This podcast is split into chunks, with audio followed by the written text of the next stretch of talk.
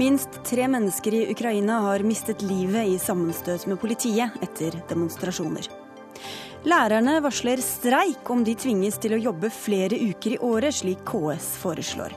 Forslaget er godt, sier Civita. Vil frata lærerne makt, svarer Manifest. EU-kommisjonen vil kutte utslippene av klimagasser med 40% innen 2030. For dårlig, mener Zero. Og Norge må slutte å selge krigsmateriell til totalitære regimer, mener De Grønne.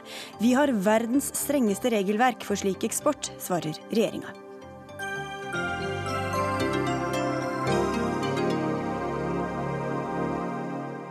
Dette er Dagsnytt 18 på NRK P2 og NRK2, hvor vi også får besøk av Kåre Konradi og Svein Sturla Hungnes, så følg med.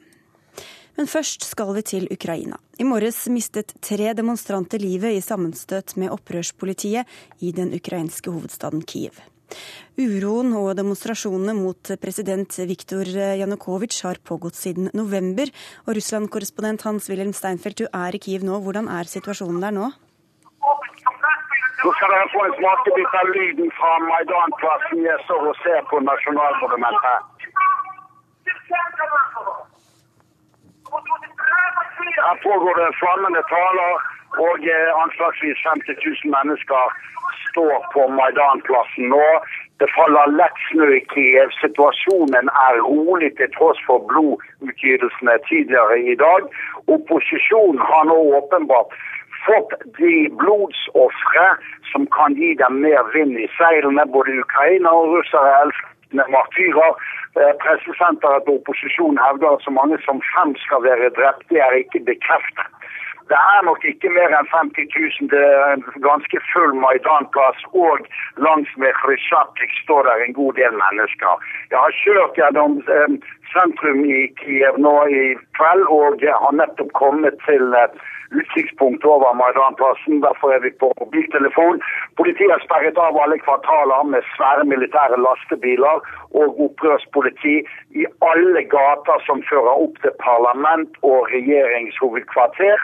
Men situasjonen her i Ukraina ser ut til å være roligere i kveld etter at politiet aksjonerte ved tolvtiden i dag og presset demonstrantene nærmere Maidanplassen.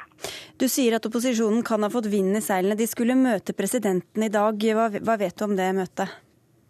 Ja, Det vi vet er at Vitalij Klitsjko og to andre opposisjonsledere krevde samtaler med president Viktor Janukovitsj. De ville ikke snakke med hans assistenter eller rådgiver, og det møtet har funnet sted.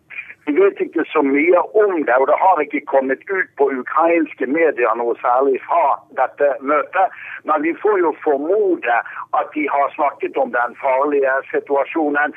I går sa Russlands utenriksminister på sin årlige orientering jeg var til stede på i Moskva, at situasjonen her i Kiev er farlig og kan komme ut av kontroll.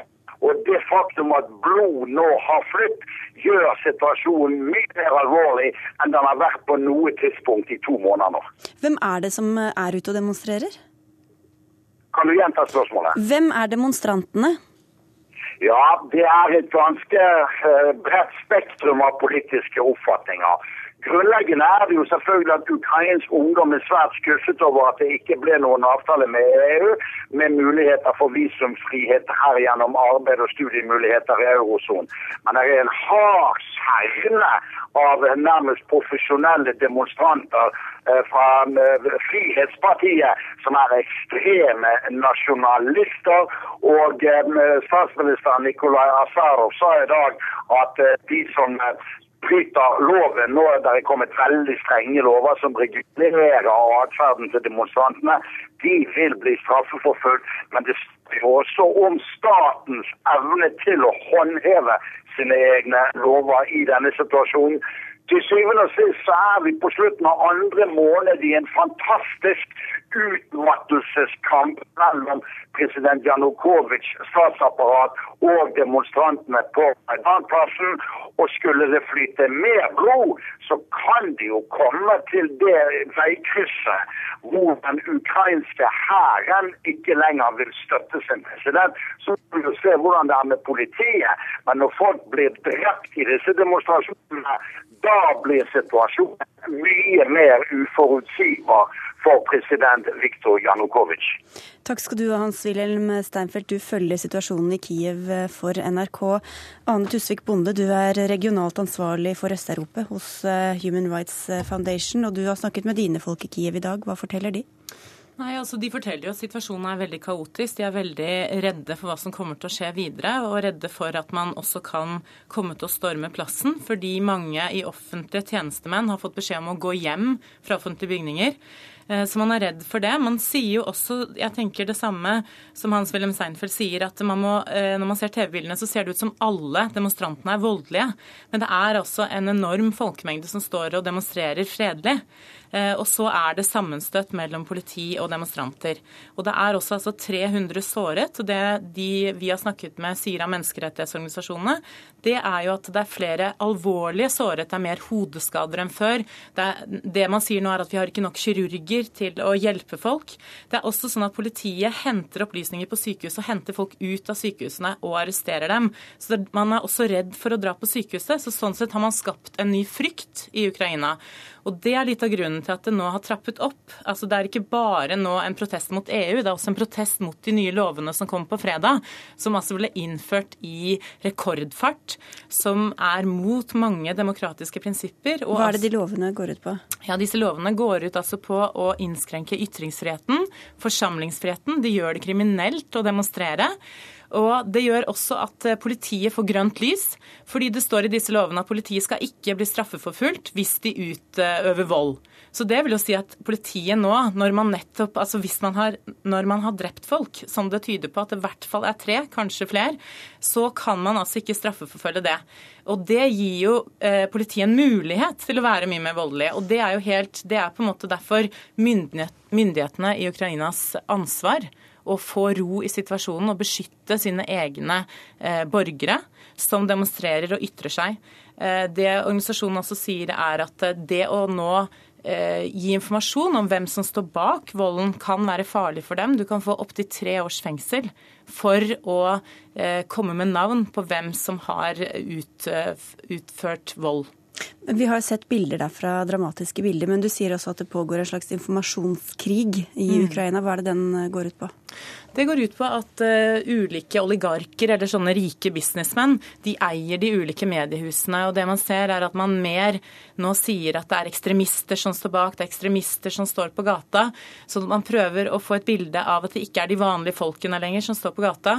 Og det uh, man har snakket om i EU, vi har også noen organisasjoner som er i EU, og de sier at en av de tingene som drøftes er å få sanksjoner mot businessmennene, altså fryse kontoene deres, legge press på dem for å sørge for at informasjonsflyten blir mer uavhengig.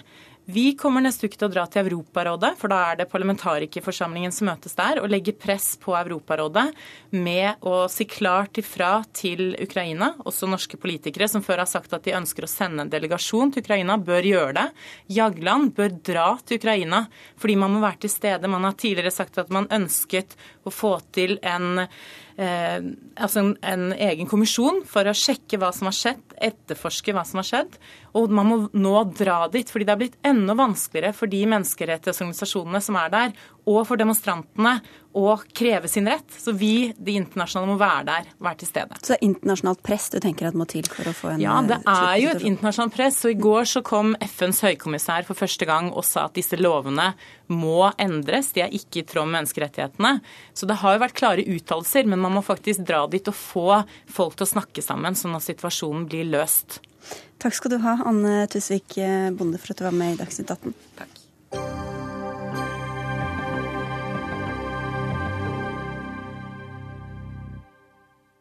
I dag presenterte EU-kommisjonen de nye klimamålene sine. Kommisjonen foreslår å kutte utslippene av klimagasser, slik at utslippsnivået i 2030 skal være minst 40% lavere enn det var i 1990. Samtidig skal andelen fornybar energi økes til 27 Utenriksreporter i NRK, tidligere europakorrespondent Hege Moe Eriksen. Hva kan du si, hva går denne avtalen ut på? Det er et forslag fra EU-kommisjonen som eh, har vakt litt eh, avmålt begeistring. Knapt det, vil jeg si. Det går i hovedsak ut på to ting. Det ene er at man vil kutte utslipp av klimagasser med 40% innen 2030. Det er en dobling av det som er dagens mål, hvor man har et mål om kutt av 20% innen 2020.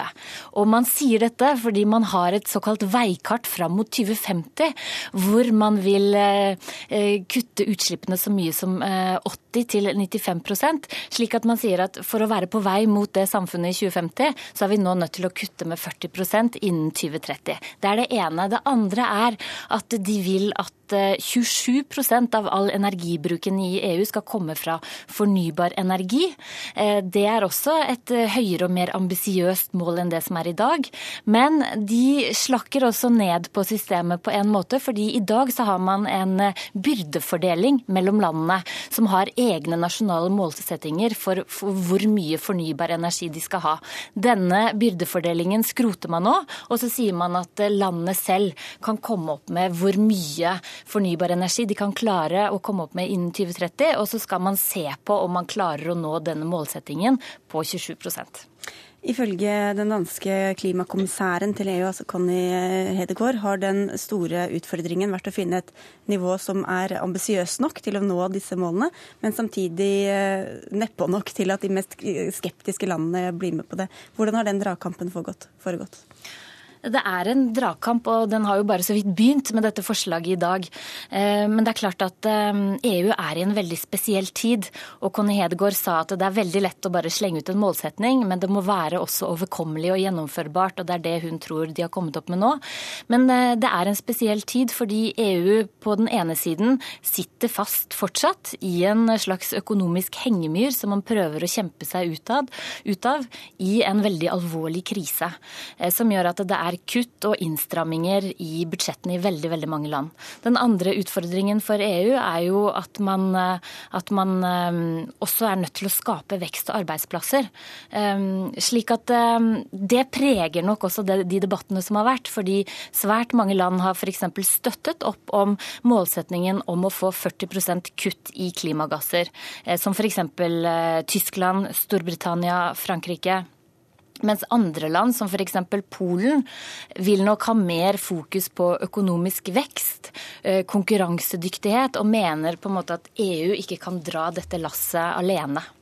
Hva er veien videre nå da for dette forslaget, og hvor skal det behandles? Nå er det da EU-kommisjonen som har kommet med forslaget. Nå skal det da sendes til EUs råd, som består av stats- og regjeringssjefer. De kommer sammen i mars og skal diskutere dette for første gang. Og så skal det også sendes til Europaparlamentet. Og, og, og der skal altså de komme til en enighet. Og de må komme til en enighet. Og det knytter seg veldig stor spenning til om de kan få alle landene i EU med på dette. Tusen takk, Hegge Moe Eriksen, for at du dro dette bakteppet for oss. Eh, Høyres miljøpolitiske talsmann Nikolai Astrup, eh, hvor fornøyd er du med det EU-kommisjonen la fram i dag? Jeg er veldig godt fornøyd, fordi det EU har kommet med er i stor grad i tråd med det den norske regjeringen spilte inn til EU uh, før jul.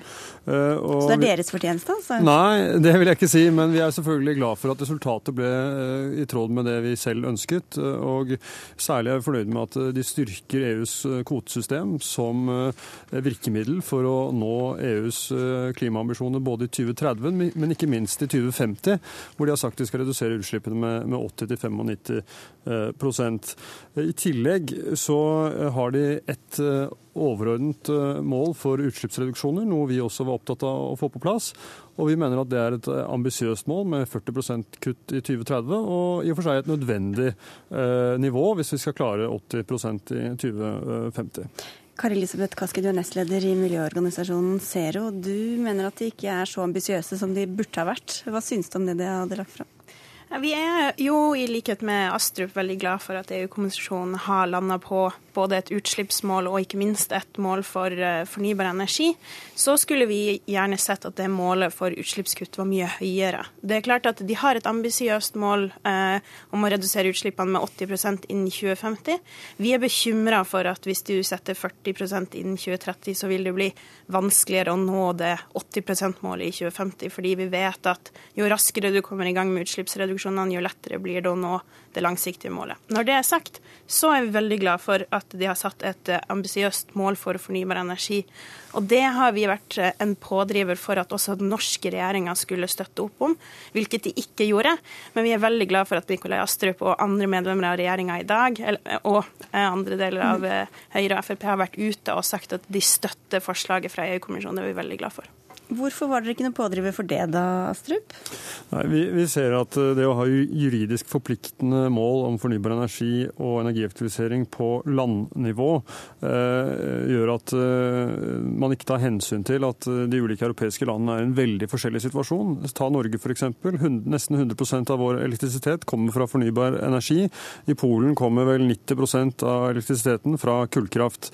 Og Det betyr at vi er i en veldig forskjellig situasjon. og Jeg er glad for at EU nå har valgt en helt annen tilnærming, nemlig en mer eh, nedenfra og opp-tilnærming, der medlemslandene selv skal få lov å definere hvordan de på en mest mulig effektiv og rasjonell måte kan innfri eh, målet om 40% utslippsreduksjoner. Og EU eh, sett under ett skal da øke fornybarandelen til 27 og Det mener jeg er en veldig mye mer fornuftig tilnærming, og en helt annen tilnærming enn det f.eks. Zero ønsket seg. Men hva syns du dersom det går utover eksporten av da særlig gass fra Norge?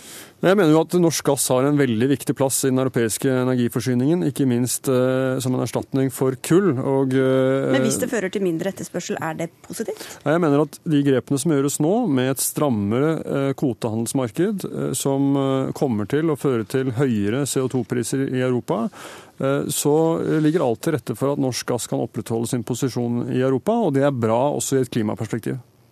Vi... tror også at det forslaget som har kommet fra EU-kommisjonen i dag, vil styrke Norges rolle som energieksportør, men da først og fremst ut ifra den eksporten vi har av vannkraft og fornybar energi. Og så tror jeg det er viktig å huske på at det, som har vært suksessfaktoren i EUs klimapolitikk fram til nå og fram mot 2020, er jo det målet de har satt seg for fornybar energi. For det har bidratt til at man har bygd ut store volum av ren energi, og bidratt til en teknologiutvikling og et prisfall for fornybar energi som andre land kan dra nytte av. Og Det er det som vil være viktig også i tida framover nå og fram mot 2030, at det fornybarmålet man har satt seg, kan bidra til teknologiutvikling, ikke bare på volumsida, men også innenfor f.eks. energilagring. Og det er den industrialiseringa av klimaløsninger som Europa har ledertrøya på, som virkelig bidrar til det grønne skiftet globalt, og ikke først og fremst at Europa som et, et uh, område som står for 10% av verdens uh, klimagassutslipp, reduserer utslippene sine. Altså jeg, jeg, er helt enig i at uh, Norge kan spille en større rolle også som leverandør av fornybar energi, men la oss ikke glemme det faktum at vi produserer, eksporterer altså gass som har en energi, et energiinnhold som er ti ganger så stort som den samlede produksjonen av vannkraft i Norge. Men alle så, mener at det bare likevel er, er en overgang. Altså Hvor lenge skal vi håpe at vi driver og eksporterer den gassen? Altså Hovedutfordringen i Europa i dag er jo eh, at det er altfor mye kull i, eh, i kraftsektoren. Men selv om man erstatter det med gass, så skal, når man jo ikke de klimamålene man har satt seg. Nei, EU, nei, gass er en veldig viktig uh, kilde til uh, elektrisitetsproduksjon i Europa i mange mange tiår fremover. Og Hovedutfordringen nå er jo å fase ut uh, kull så raskt som mulig, slik at vi får redusert utslippene. Bare se på USA, hvilken effekt skifergassen der har hatt på å redusere utslippene betydelig de siste eh, to-tre årene, eh, på bekostning av eh, fordi man har klart å fase ut kull og erstatte det med gass. Hva mener du disse målene Kaski, bør få å si for hvilke ambisjoner den nye regjeringa i Norge setter seg? Ja, Det blir veldig spennende å se. Det er klart at Norge bør ta en veldig aktiv posisjon i å bidra til at EU når sine fornybarmål. Eh, ikke bare bør vi øke vår egen fornybarandel, vi bør bidra gjennom flere utvekslingskabler til kontinentet. Og så syns jeg at eh, den nye regjeringa bør gå veldig aktivt inn i å bidra til at både kommisjonen får det, de her forslagene gjennom i EU. Og også bidra til å se på hvilke virkemidler man kan få på plass for å få gjennomført fornybarmålene.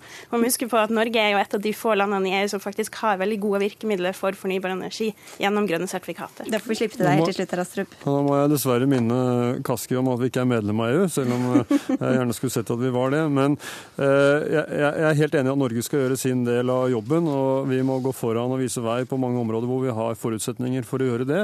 Eh, jeg tror også utslippsreduksjoner i transportsektoren f.eks., der Norge har alle muligheter til å fase ut fossil energi i stor skala og erstatte det med fornybar energi. Det er et område hvor vi kan vise vei og gå foran. Så får vi vente spenning på hva mer som kommer fra regjeringshold. Takk skal dere ha, Nikolai Astrup og Kari Elisabeth Kaski.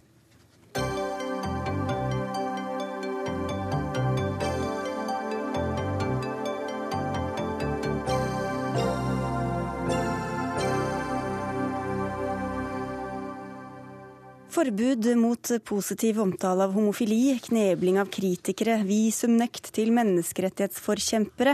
Det største politioppbudet verden har sett i forbindelse med et idrettsarrangement, og ikke minst terrortrusler. To og en halv uke før OL i Sotsji er det ikke idretten som står eh, fullstendig i fokus. Gerhard Heiberg, du er styremedlem i Den internasjonale olympiske komité. Hva synes du om at disse punktene og disse omstendighetene får så mye oppmerksomhet? Jeg syns det er litt leit at vi må konsentrere oss om den delen. Men jeg må også si at da vi ga Russland OL i 2007, så var vi klar over at vi gikk inn i et minefelt. Vi var ikke helt klar over hva slags miner vi ville treffe på, men det var oss helt bevisst at eh, her kom det til å bli store vanskeligheter. Og Hva etter din mening er nå den største utfordringen for å få vellykkede leker? Den største utfordringen ligger på dette med sikkerhet. Vi har tillit til at den russiske regjering vet hva de gjør. Og eh, de har vært veldig åpne til å ta imot hjelp og støtte fra oss og fra andre nasjoner som har organisert OL, f.eks. England. Så eh, vi mener at de gjør alt hva som står i menneskelig makt for å få dette til å roe seg ned, og at eh, utøverne da kan konsentrere seg om eh, idrett og slippe å bli forstyrret av andre ting. Ja, for Du sa på Aktuelt på NRK2 i går at uh, du har full tillit til myndighetene når det gjelder sikkerheten. Hvordan vet du at de har uh, så god kontroll som det du sier? Vi har daglig kontakt. Vi har daglig folk fra IOC borte og snakker med myndighetene, både i Moskva og i Sotsji. Vi har kunnet følge med med våre egne eksperter, som jo har litt erfaring etter hvert. Og de føler at russerne behersker dette, de vet hva de gjør. Og sånn sett tror vi faktisk at Sotsji kan komme til å bli den sikreste byen i Russland under OL. Den olympiske den, altså den, i, i, Ungarn har de varslet om terrortrusler. Vet du om at andre land har gjort det samme? Nei, vi vet at det kan komme til å skje i Russland igjen før eh, OL. Så vi følger med. Vi var ikke overrasket over det som skjedde i Volgograd. Vi hadde regnet med at noe kom til å skje. Dessverre så skjedde det. Men eh, la oss håpe at Sotsji blir rolig og ordentlig i de dagene dette varer. Og da er det altså et enormt sikkerhetsoppbud. Det er, eh, det er eh, politi, soldater, eh, noe du også sa på TV-en i går, at du, håper, at du ønsker at det ikke skal bli vist på TV. Hvorfor skal man ikke vise det arrangementet det faktisk er? Fordi OL skal være en gledelsesøyeblikk. Det er 16 dager med utøvere som eh, har det bra, konkurrerer med hverandre på fredelig vis, nyter livet. Og vi vil gjerne vise entusiasme, glede, begeistring gjennom TV til verden, slik vi hadde det på Lillehammer i 94. Og da er det forstyrrende med militær og politi? Ja, det passer ikke helt inn i bildet. Men det er Derfor jo må vi finne en balanse. Ja, men da må man finne allikevel en balanse hvor, vi, hvor de ikke vises sånn at folk er opptatt av å telle omtrent hvor mange politi og hvor mange militære er det på bildene, men at det er eh, konkurransene, idrettsøvelsene, som, som er i fokus. Det er eh, mer enn et halvt år siden det russiske parlamentet vedtok å forby propaganda for ikke-tradisjonelle relasjoner, altså homofili. Hvordan reagerte dere på det i komiteen? Vi likte dette dårlig. Det var en av de minnene vi ikke hadde drømt om at vi ville få. Vi har jo en klar forutsetning i det olympiske charter at vi ikke skal ha noen diskriminering av noen art. Og det har russerne underskrevet på. Og altså tok vi affære med en gang og sa at dette er uforenlig med eh, våre fundamental principles, som det heter i det olympiske charter. Så vi har prøvd å få manøvrert dette dit at det overhodet ikke skjer noen diskriminering under OL.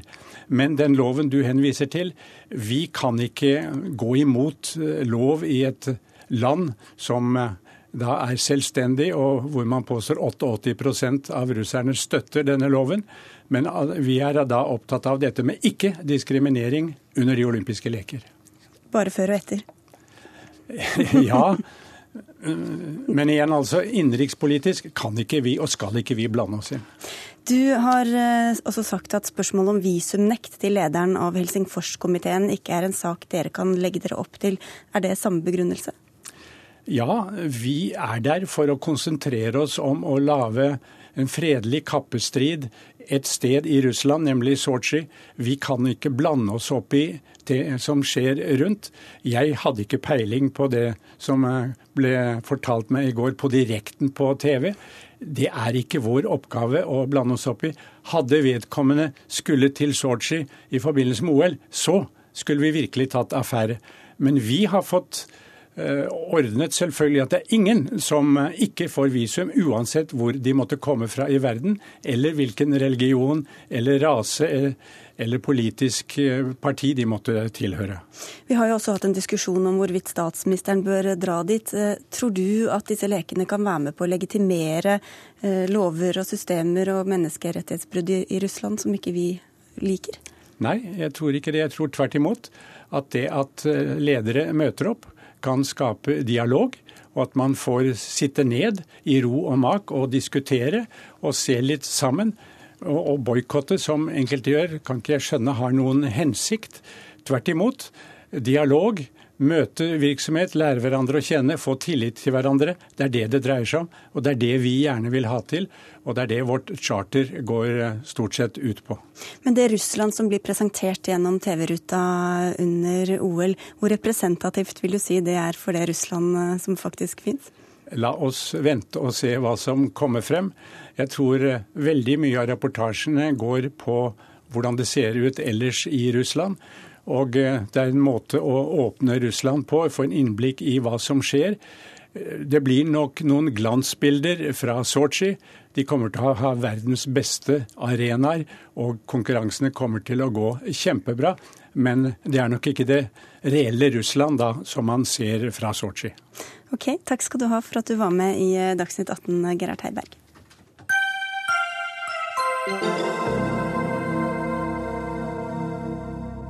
Norge selger ikke bare olje og gass, som vi må inne på før i eh, sendingen, og fisk til utlandet. Vi er også en storeksportør av våpen og annet militært materiell. I 2012 eh, eksporterte Norge krigsmateriell for 4,6 milliarder kroner. Det var 18% mer enn året før. Blant landene som kjøper materiell finner vi Saudi-Arabia, Algerie og De forente arabiske emirater. Og dette vil dere ha slutt på, Hanna Markussen, du er nasjonaltalskvinne for Miljøpartiet De Grønne. Hvorfor det? Nå er det jo to viktige debatter her. Det ene går jo på omfanget som er økende, og det andre går på hvem er det vi selger krigsmateriell til. Uh, og der syns vi i hvert fall det er på tide å få til en endring. For sånn det er i dag, så selger vi krigsmateriell til, uh, til regime, autoritære og undertrykkende regimer, som f.eks. Saudi-Arabia og Emiratene. Og hvordan et land som Norge, som eh, som står for, for en fredsutvikling i verden, som står for demokrati og for menneskerettigheter, allikevel kan tillate seg å selge krigsmateriell til denne typen stater. Det syns vi er vanskelig å skjønne.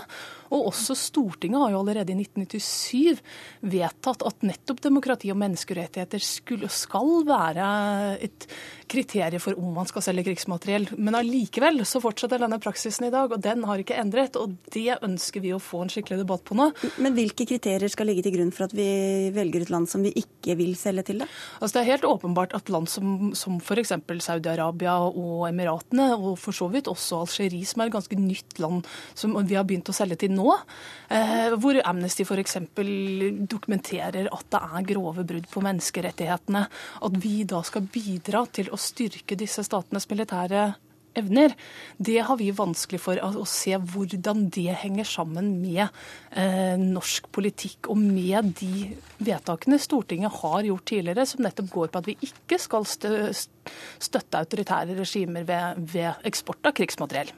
Borglad Pedersen, du er statssekretær i Utenriksdepartementet. Hva synes du om eh, å snevre inn eh, hvilke land vi vil eksportere til? Vi har jo i Norge et veldig strengt regelverk eh, for eksport av forsvarsmateriell, og det bør vi ha. Det har det vært bred politisk enighet eh, om. Men samtidig så har vi en eh, kompetent, konkurransedyktig forsvarsindustri.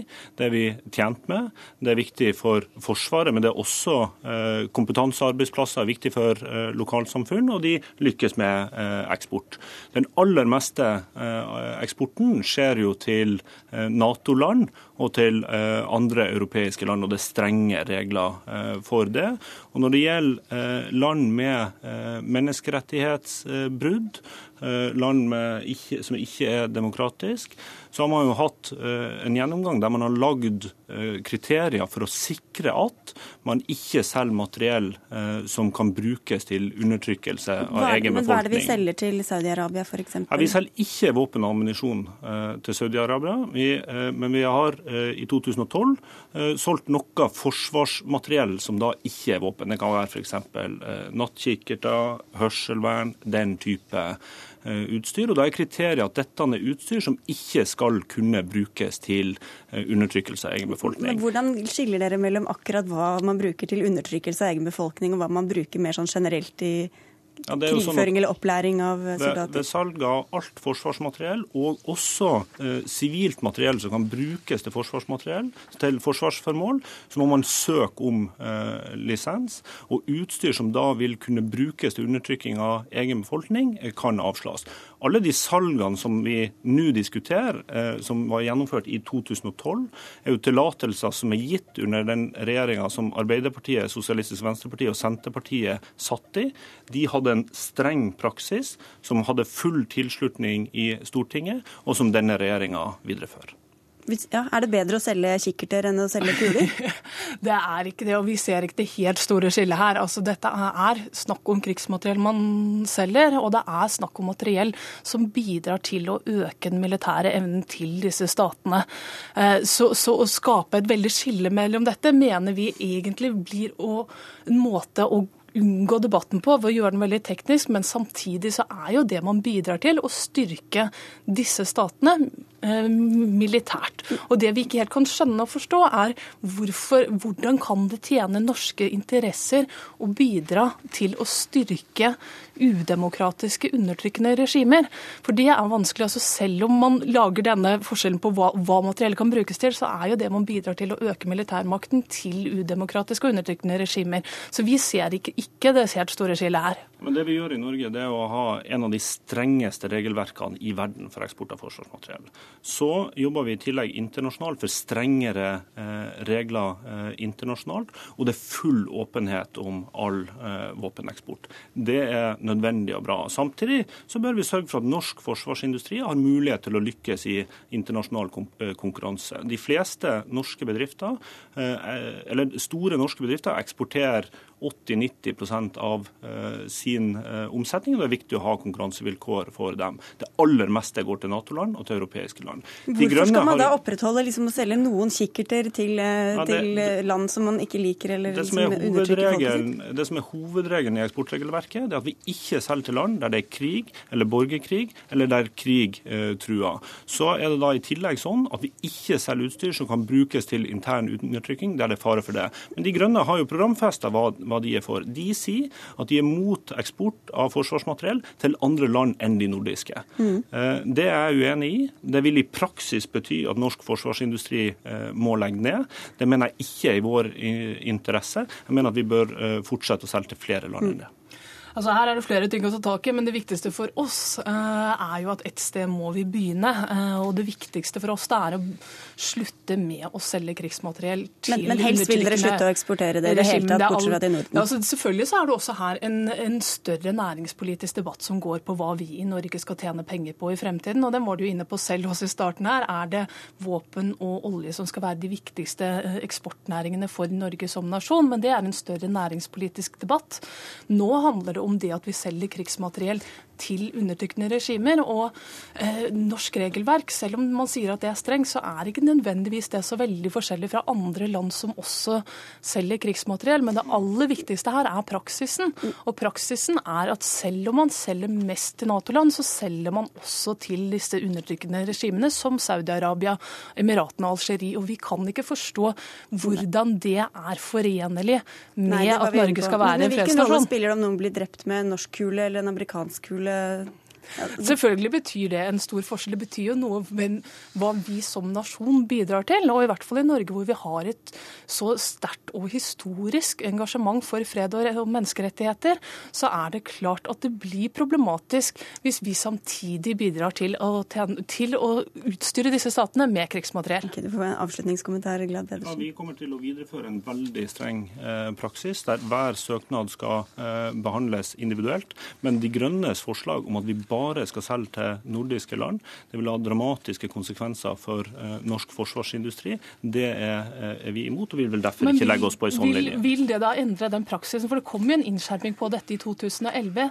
Vil praksisen bli endret noe, så ja, det, tallene for 2013 blir annerledes enn 2012? Vil ja, det, det? Det har vært en klargjøring av regelverket for å gjennomgå sånn at man kan være sikker på at det forsvarsmateriellet som selges, som altså ikke er våpen og ammunisjon, uh, ikke kan brukes til intern undertrykkelse dette blir en endring? Ja, Dette er jo en praksis som nå er innført. Det var den forrige regjeringa som eh, gjorde, med støtte fra oss. De har godkjent noen eh, salg. De har ligget på en streng linje som jeg syns har vært klok, og som vi kommer til å videreføre. Ok, Det var så langt vi kom. Takk skal dere ha, Hanna Mørkussen og Bård Glad Pedersen.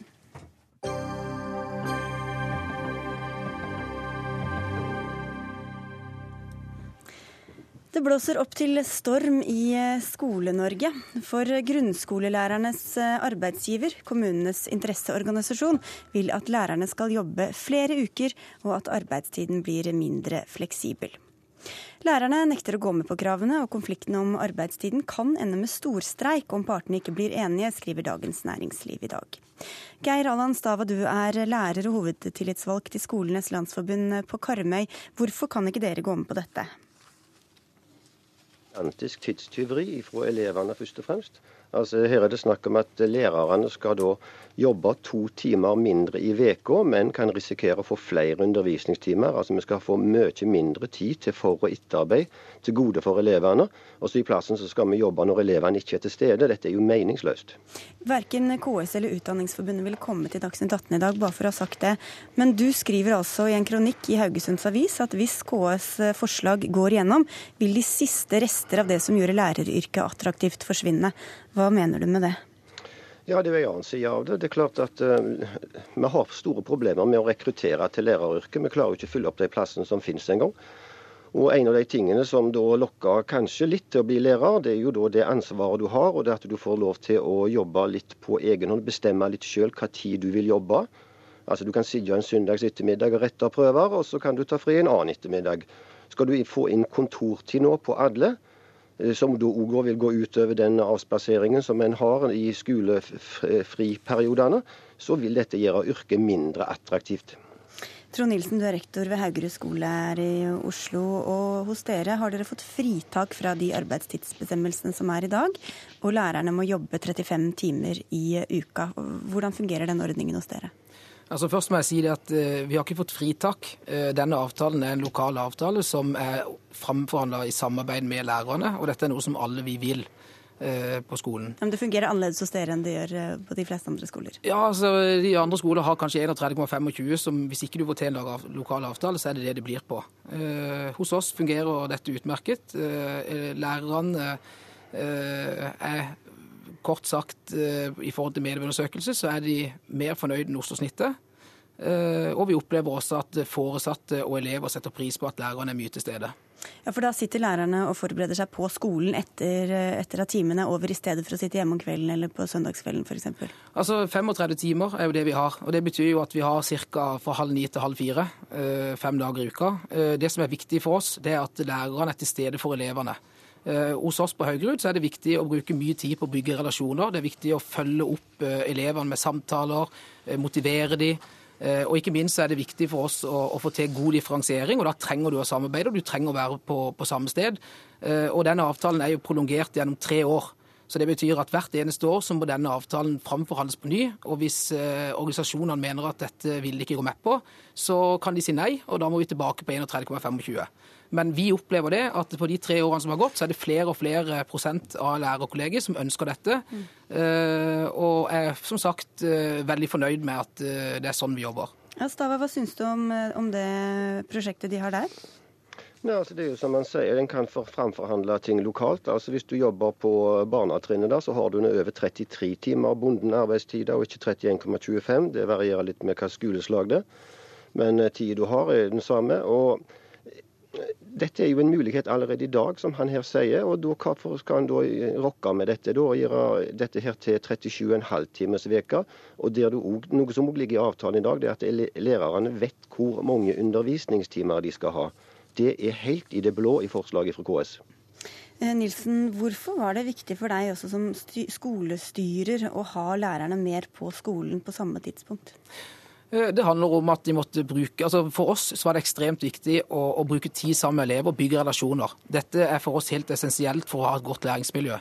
Eh, I tillegg så, så, mener vi det at en skole som har fem trinn for oss på åttende trinn og fire på niende og tiende, har mange stordriftsfordeler i at lærere samarbeider. De kan dele på opplegg, det blir kvalitetssikring av de pedagogiske timene, det blir bedre vurderingsarbeid. Så, så, så vi tre mener det at det er en kost-nytte-prinsipp, at lærerne er sammen. Eh, tror jeg på, I begynnelsen så var det tøft, fordi at de måtte jobbe på en annen måte, men nå på sikt så viser det seg at, eh, at de drar ut fordelene av det. Og som sagt, de er mer fornøyd med arbeidstidsordninga helt konkret enn det de er i, i Oslo. Eh, eh, snittet. Ja, du, kan jeg få lov til å stille et spørsmål? Ja. På, på, din skole da, er, er, lærerne til stede i 45 uker, sånn som nå er foreslått i det som kommer fra KS? For det er det vi diskuterer? Ja, altså Hos oss så er de ikke til stede i 45 uker. De har øh, åtte planleggingsdager istedenfor seks. Så vi har på en måte utvida skoleåret litt, men, men det viktigste er Eh, at vi har bunden tid. At vi vet at alle er her i 35 timer i uka. For sånn som ja, det er i dag, så er det mange som avspaserer av mange, mange, Ja, ikke sant. Det er det dere misliker, at eh, dere, denne avspaseringen om sommeren da skal bli fratatt dere, Stava? Nei, altså det vi misliker, det er at vi vil få mindre tid til å jobbe i forhold til elever og foreldre og BUP og andre instanser som vi skal ha med hver uke. Vi får to timer mindre i uka til å jobbe med det på det opplegget som nå KS har. For vi har et eh, årsverk nå som tilsvarer at vi har 43,3 timer i uka. Og det går litt i rykk og napp. For i noen perioder så er det store rettebunker, i andre perioder er det mindre. Så noen perioder så sitter vi natt og dag nærmest og retter for å få dette her klart til elevene, så de kan få en rask tilbakemelding. Innfører du kontortid, sånn som KS nå foreslår, så blir det ikke lufta en blyant etter klokka er halv fire eller fire, eller hva tid det nå blir. Og dermed så må da elevene vente altså i evigheter på å få tilbakemelding på prøvene sine. Det kan du være helt sikker på. Nå er jo ikke KS her, det gjør det jo litt forvirrende. Men eh, Mathilde Fasting, forvirring var kanskje også et stikkord eh, du opplevde da du eh, skrev rapport om lærernes arbeidstidsavtaler. Du er altså prosjektleder i Civita. Hva fant du ut da du dykket ned i dette? Jeg fant ut at det var en veldig komplisert arbeidstidsavtale. Svært eh, detaljert. Og også at den eh, tok utgangspunkt i hvilke fag eh, hver enkelt lærer hadde. Og deretter sydde opp hvor mye etterarbeid og hvor mye forarbeid disse fagene skulle ha.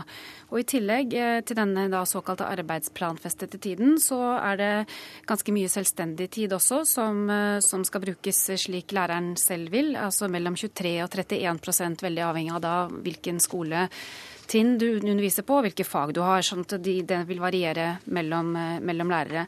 Men eh, det som er litt overraskende, er at eh, det tar jo ikke hensyn til de vesentlige tingene ved forskjeller i skolen, nemlig hvor store er klassene, hvilke utfordringer har de ulike elevene i de ulike klassene, hva er lærernes erfaringer, kompetanse, alder, og hvordan kan ledelsen få dette her til å fungere en god, på en god måte. Og Det han har beskrevet ved siden av meg her, er jo nettopp god ledelse. Han har fått anledning til å lede, og dermed så ser jeg at en arbeidstidsavtale som er mer generell, og som gir en ramme for hvordan arbeidstiden skal benyttes, og deretter at det overlates til skolelederen å finne gode opplegg innenfor den rammen, det må være en bedre ressursutnyttelse enn slik det er i dag. Så forslaget fra KS er positivt, tenker du?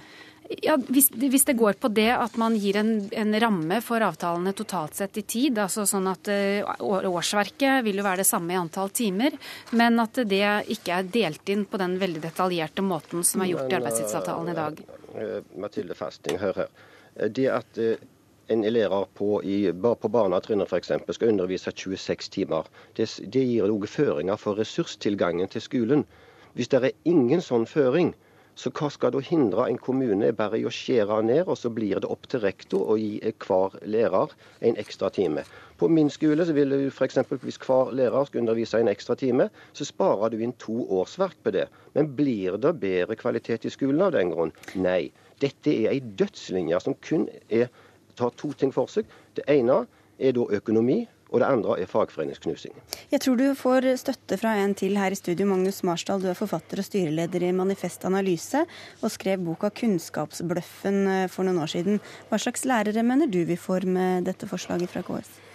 Jeg frykter jo at man ofrer undervisningskvalitet på økonomisk innsparing hos eh, Alter. fordi at den avtalen om at læreren skal ha et minimum av tid til å tilpasse undervisninga til den enkelte klasse og elev, og sånn, den gjør at ingen rådmann kan ringe nå og si du, rektor, sett dem til å undervise 10% mer. fordi at den avtalen den sikrer da, et minimum av ressurser til den enkelte skole. og Det tror jeg rektor er glad for, på samme måte som vi eh, foreldre skal være glad for det. Og Det er viktig å vite for lytterne lytterne og seerne at det er en radikal forskjell på det opplegget som beskrives fra én skole i Oslo her nå, og det som KS har lagt inn i forhandlingene. For der handler det om at den tvungne avspaseringa som lærerne har, de jobber jo over 42 timer i uka og er tvunget til å ta ut eh, elevenes ferie, skal reduseres, sånn at man skal strekke ut lærernes arbeidsår, men ikke strekke ut elevenes arbeidsår. og Det betyr jo sju uker, eller hva det er snakk om, der eh, man ikke skal være sammen med elevene. Eh, og Det er ikke sikkert at det gir den typen samhandling man er ute etter. og Det er noe vilt annerledes enn det som er gjennomført på denne skolen i Oslo, og som er gjennomført innenfor dagens avtale. Hvis alle er så fornøyd med den, så viser det at det er fleksibilitet også i dag. Det forslaget går ut på, er jo å behandle kunnskapsvirksomheten skole mer som en vanlig bedrift. Med ting som ligner på det som vi har sett i nyhetene fra Sandefjord i siste. En, en eh, overstyring av fagfolkene som står i klasserommet og møter og kjenner elevene hver dag, av ledere med regneark. Og det er ikke ledelse. Det er styring. Og det er viktig å ikke blande sammen god faglig ledelse som er basert Du vil ikke fornærme rektoren her? Overhodet ikke. Det høres ut som god ledelse, men det er altså en sammenblanding fra uh, Civitas side Eh, å si at god ledelse er det samme som økt overstyring fra KS-hold, det må vi skille på. Nå får du mer eller mindre rollen som KS-forsvarer her. Jeg har ikke, ikke sagt det om KS. Jeg, jeg, sier at eh, en god leder ved en skole vil være tjent med å ha en arbeidstidsavtale som gir rom for å kunne tilpasse lærerkollegiet på den beste måten for den skolen og gi mulighet til ledelse. Sånn som det er i dag, så bruker lederen veldig mye tid på å sette sammen et puslespill som tar utgangspunkt i noe annet enn det som er skolens behov, nemlig hvordan hvordan eh, alder, kompetanse og lærerutfordringer samt elevutfordringer er ved skolene, og det må være mye viktigere. Og det trenger man en generell arbeidstidsavtale for å kunne få til, ikke en detaljert arbeidstidsavtale. Det, det, det, er riktig, men det er altså sånn at de aller, aller fleste skoleledere i Norge i dag sier at de har for lite tid til å være fagpedagogisk leder. Og det er jo fordi de har masse administrasjon og økonomi og rapportering og andre ting som kommer i veien. Men det er jo få av dem som mener at hovedårsaken her er det her puslespillet med, med timer som ikke nødvendigvis blir noe mindre i Civitas modell. Kjernen kjernen der er at man skal overstyre fagfolkene som møter elevene hver eneste dag. Og jeg tror at en profesjonell lærer som kan sikre undervisningskvalitet, det forutsetter at vedkommende også har mulighet til å prioritere ressurser. Og den makta til å prioritere kan ikke bare ligge hos ledere som ikke møter elevene, det må også ligge hos den fagpedagogen som hver dag møter den enkelte og ser den enkelte klasse. Okay, jeg, tror, jeg, tror, lederen må ha ansvaret ved skolen, helt åpenbart. Det kan ikke være sånn at hver enkelt lærer skal være den som skal bestemme hvordan dette her skal foregå i et lærerkollegium. Jeg hører Stava fra Haugesund her. Ja, lederen har jo selvfølgelig ansvaret. Jeg er selv gift med en rektor, og hun vil absolutt ikke ha dette her. Det å få det til å pusle puslespillet, det er jo ingen problem. Det er bare et regneark. Det, det, er ikke noe verre. Og, det, og faren her, som det, hun fra Civita ikke har svar på, og som kanskje er et problem når en sitter i your little think tank, hva med ressurstilgangen? Det er ikke rektor som bestemmer ressurstilgangen til skolen. Det er lover og regler, sånn som f.eks. lesepliktavtalen, arbeidstidsavtalen vår. Den bestemmer ressurser. Fjerner du den, så fjerner du sikkerhet for ressurser. Og da sitter rektor der uansett hvor gode intensjoner de har med skjegget i postkassen, og må fordele nedskjæringer med flere timer til hver enkelt lærer. Vi må straks avslutte, men du kan jo få ta en avslutningskommentar, Fasting. Ja, det, det, med ressurstilfanget for lærere og skolen generelt, det vil jeg jo tro med den regjeringen vi har fått nå, at eh, det vil være stor, stort gehør for å, å styrke skolen. Det, det, jeg hører mye snakk om å styrke lærerens rolle og, og, skolen generelt. Så det håper jeg virkelig at eh, de ser på, de som skal fordele de ressursene. Kommunestyret som bestemmer ressursene. ja, nå fikk vi en forsvar. Du ble liksom både KS og regjeringens forsvarer, Mathilde Fasting, ellers i Civita. Takk skal dere ha for at dere kom. Fasting Trond Nilsen fra Haugerud skole, Magnus Marsdal og og Geir Allan Stava med fra Haugesund.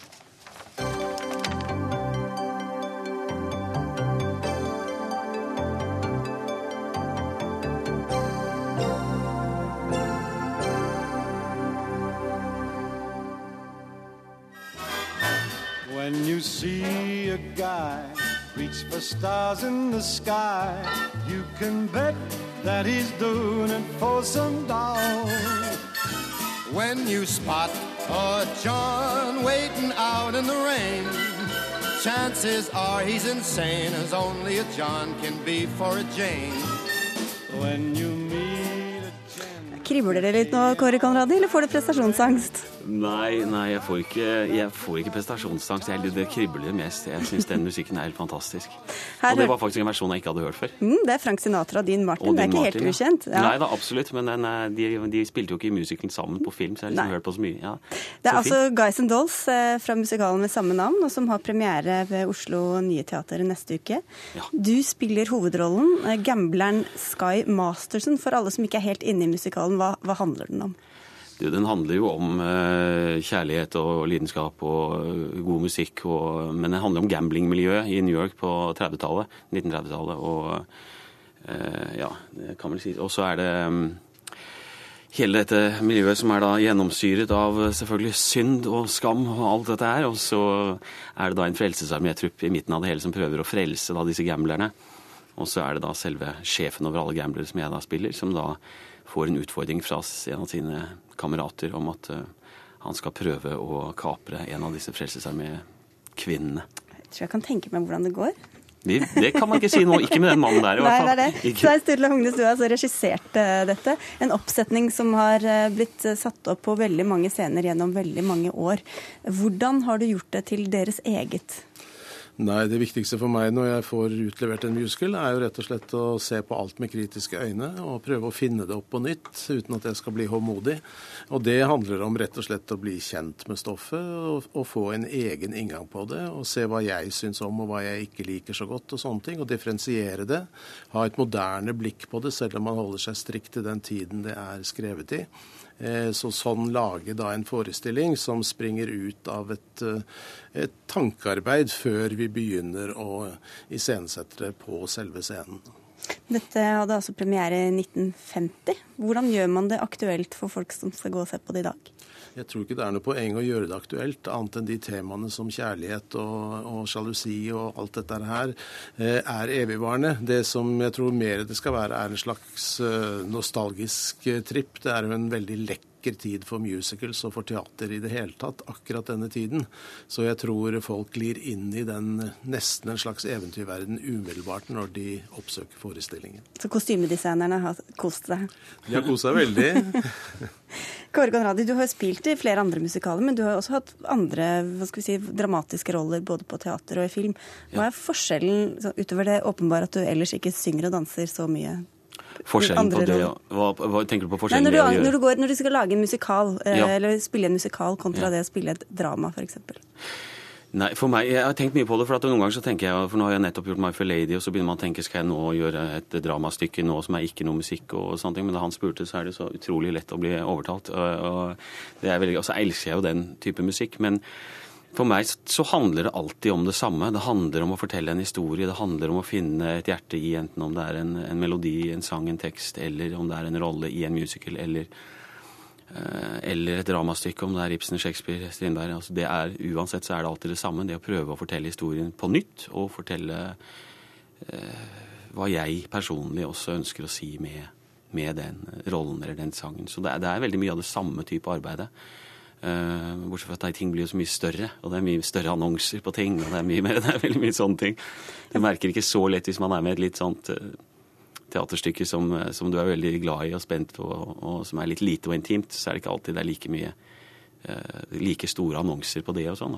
Det er den eneste store forskjellen jeg ser. men ja, Men hvor mye dybde og liksom små nyanser er det plass til når du, å vise en karakter når du skal stå og rope den ut og, og synge? Nei, det er jo en av utfordringene. fordi det som er et stor forskjell på musical og både film og at, at det, det er jo det at du går inn på scenen og du skal være til stede med en eneste gang. og Du, skal på en måte ha, du har veldig kort tid på å bli ferdig med det du skal, og kort tid på å presentere deg selv. Og det er jo selvfølgelig ikke dybdepsykologi. Det er ikke, det er ikke, du, har det, du har undertekstene er musikken, rett og slett. Sånn at eh, Det er stemning, da? Ja, det er stemning. Og så gir Du kan si at musikk er det eneste stedet på teatret hvor, hvor skuespillerne har lov til å vise følelser. Ellers så skal man være veldig nøktern, veldig klar og gi følelsene til publikum. Men denne musikken gjør at man kan gi seg hen på en annen måte. Og dermed så kommer, eh, kommer det indre livet hos, eh, hos personene frem gjennom det musikalske. Og det er jo forskjellen på vanlig teater og uh, musikkstykker. Hvordan gjør det din jobb som instruktør annerledes, da? Nei, det gjør vel at jeg begynner å blande meg inn i, i de musikalske prøvene veldig mye. Og hvordan de oppfører seg, hvordan de fremfører sin karakter innenfor det strengt musikalske, som jo følger, følger uh, strikte noter og takter og rytmer og, og sånne ting. Så, så det blir en del av det arbeidet hvor de da må ha meg rundt øra på seg. Så Veldig vant til det. Veldig vant til det. Men jeg har jobbet med han så mye. Du visste hva du gikk til? Jeg visste hva jeg gikk til. Det er jo den instruktøren jeg har jobbet mest med. Jeg har jobbet med både alt fra Hamlet til en forestilling vi gjorde som het Stones in His Pockets, hvor vi spilte 20 forskjellige roller. Jeg en, den så jeg faktisk. Ja, så det var jo Svein Stulla også, og den galskapen han har, er jo veldig, kommer veldig godt til nytte når man skal skape 20 roller. Så er det jo bare å skru på, skru på en knapp på han, så men, men dette er jo sikkert en veldig dyr oppsetning også. Det er mange, det er sangere, det er dansere, det er kostymer og blåser. Liksom, så det er, er, men er det stor um, risiko, sånn rent økonomisk, å gå i gang med et sånt prosjekt? Det er det. Det er en stor, eh, stor risiko. Jeg var jo sjef på Oslo Nye Teater i åtte år, og jeg hadde én musical i året. Og jeg sov ikke spesielt godt når de skulle opp. Eh, for ta, bommer du på en musical, så bommer du skikkelig. Og det, og det river godt og tar litt stolen vekk under, under, deg. For det er masse penger som står på spill, og det, og det skal det være på en måte. For det skal sprute av dette her, og det skal være show, og det skal være en overskuddssak til publikum. Nå er det fest på teatret. Det er veldig mye annet på teatret også som er veldig viktig. Men denne festen er faktisk veldig dyr. Men går det bra, hm. så går det veldig bra. Og vi er ganske glad i musikaler her i Norge? Ja, jeg håper det. Det, det virker jo sånn. Det virker jo som folk har lyst til å se ting. Og, og, men nettopp det at, eh, at det er jo en bunn i noe, da. At det er en kjærlighet, og man kan gå inn og få lov til å bli flyttet litt i noen timer. Det syns jeg er en glede å få lov til å være med på. Og så er det en veldig fin gjeng da, med Andrea Brein Hovig og Hans Marius Hoff Mittet og Hilde Louise Asbjørnsen også i de andre hovedrollene. Hvordan merker du som skuespiller kontakten med publikum annerledes i en sånn musikaloppsetning enn i en mer intim, vanlig drama? I en musical så du skal jo For meg så er det som sagt det med å likevel holde seg i rollen og holde det og gjøre det så troverdig og fint som mulig. Og, men, men det er klart du kan tørre å ta mer. Du ser jo ut på folk, du ser på salen. Det er en annen kommunikasjon litt mer sånn som komedie, på en måte. Du, er, du, har mer kontakt med publikum på en litt mer fin, lettere måte. da. På teater så er det en, en vegg, og du, du, spiller situasjonen og ikke så mye direkte til publikum. Men her er det jo mer direkte, uten å være at du snakker til publikum eh, på den måten. Og ut fra det du sa, så er det ikke så mye søvn om natten nå? Nei, dette er en dårlig periode for søvn. du sitter og teller kroner og hører. Ja, nå er ikke jeg ansvarlig for det denne gangen, men uh, likevel så rykker det i gamle nerver. Får, det er vel ikke lov å ønske lykke til? Jeg skal ikke jinxe noen ting her. Eh. Du kan si tvi-tvi. Tvi-tvi? Du får ikke noe svar. Nei, det er så rart det der. Ja, men det er jo sånn det er blitt. Ja, man kan få si tvi-tvi. Det er mange som sier jeg skal ikke si tvi-tvi, men du kan si det. Men man skal på en måte ikke takke, da. Nei, ok. Da, da tar jeg det ikke som uhøflig når jeg da sier tvi-tvi, og ikke noe svar. Takk skal, ja, takk skal, dere ha for at dere var med i eh, Dagsnytt 18, Kåre Konradi og Svein Storla Hungnes. Vi er ved veis ende i denne sendingen. Vi er tilbake i eh, morgen klokka 18. Ansvarlig for sendingen var Eivind Våge, teknisk ansvarlig Finn Lie, og jeg heter Sigrid Solund.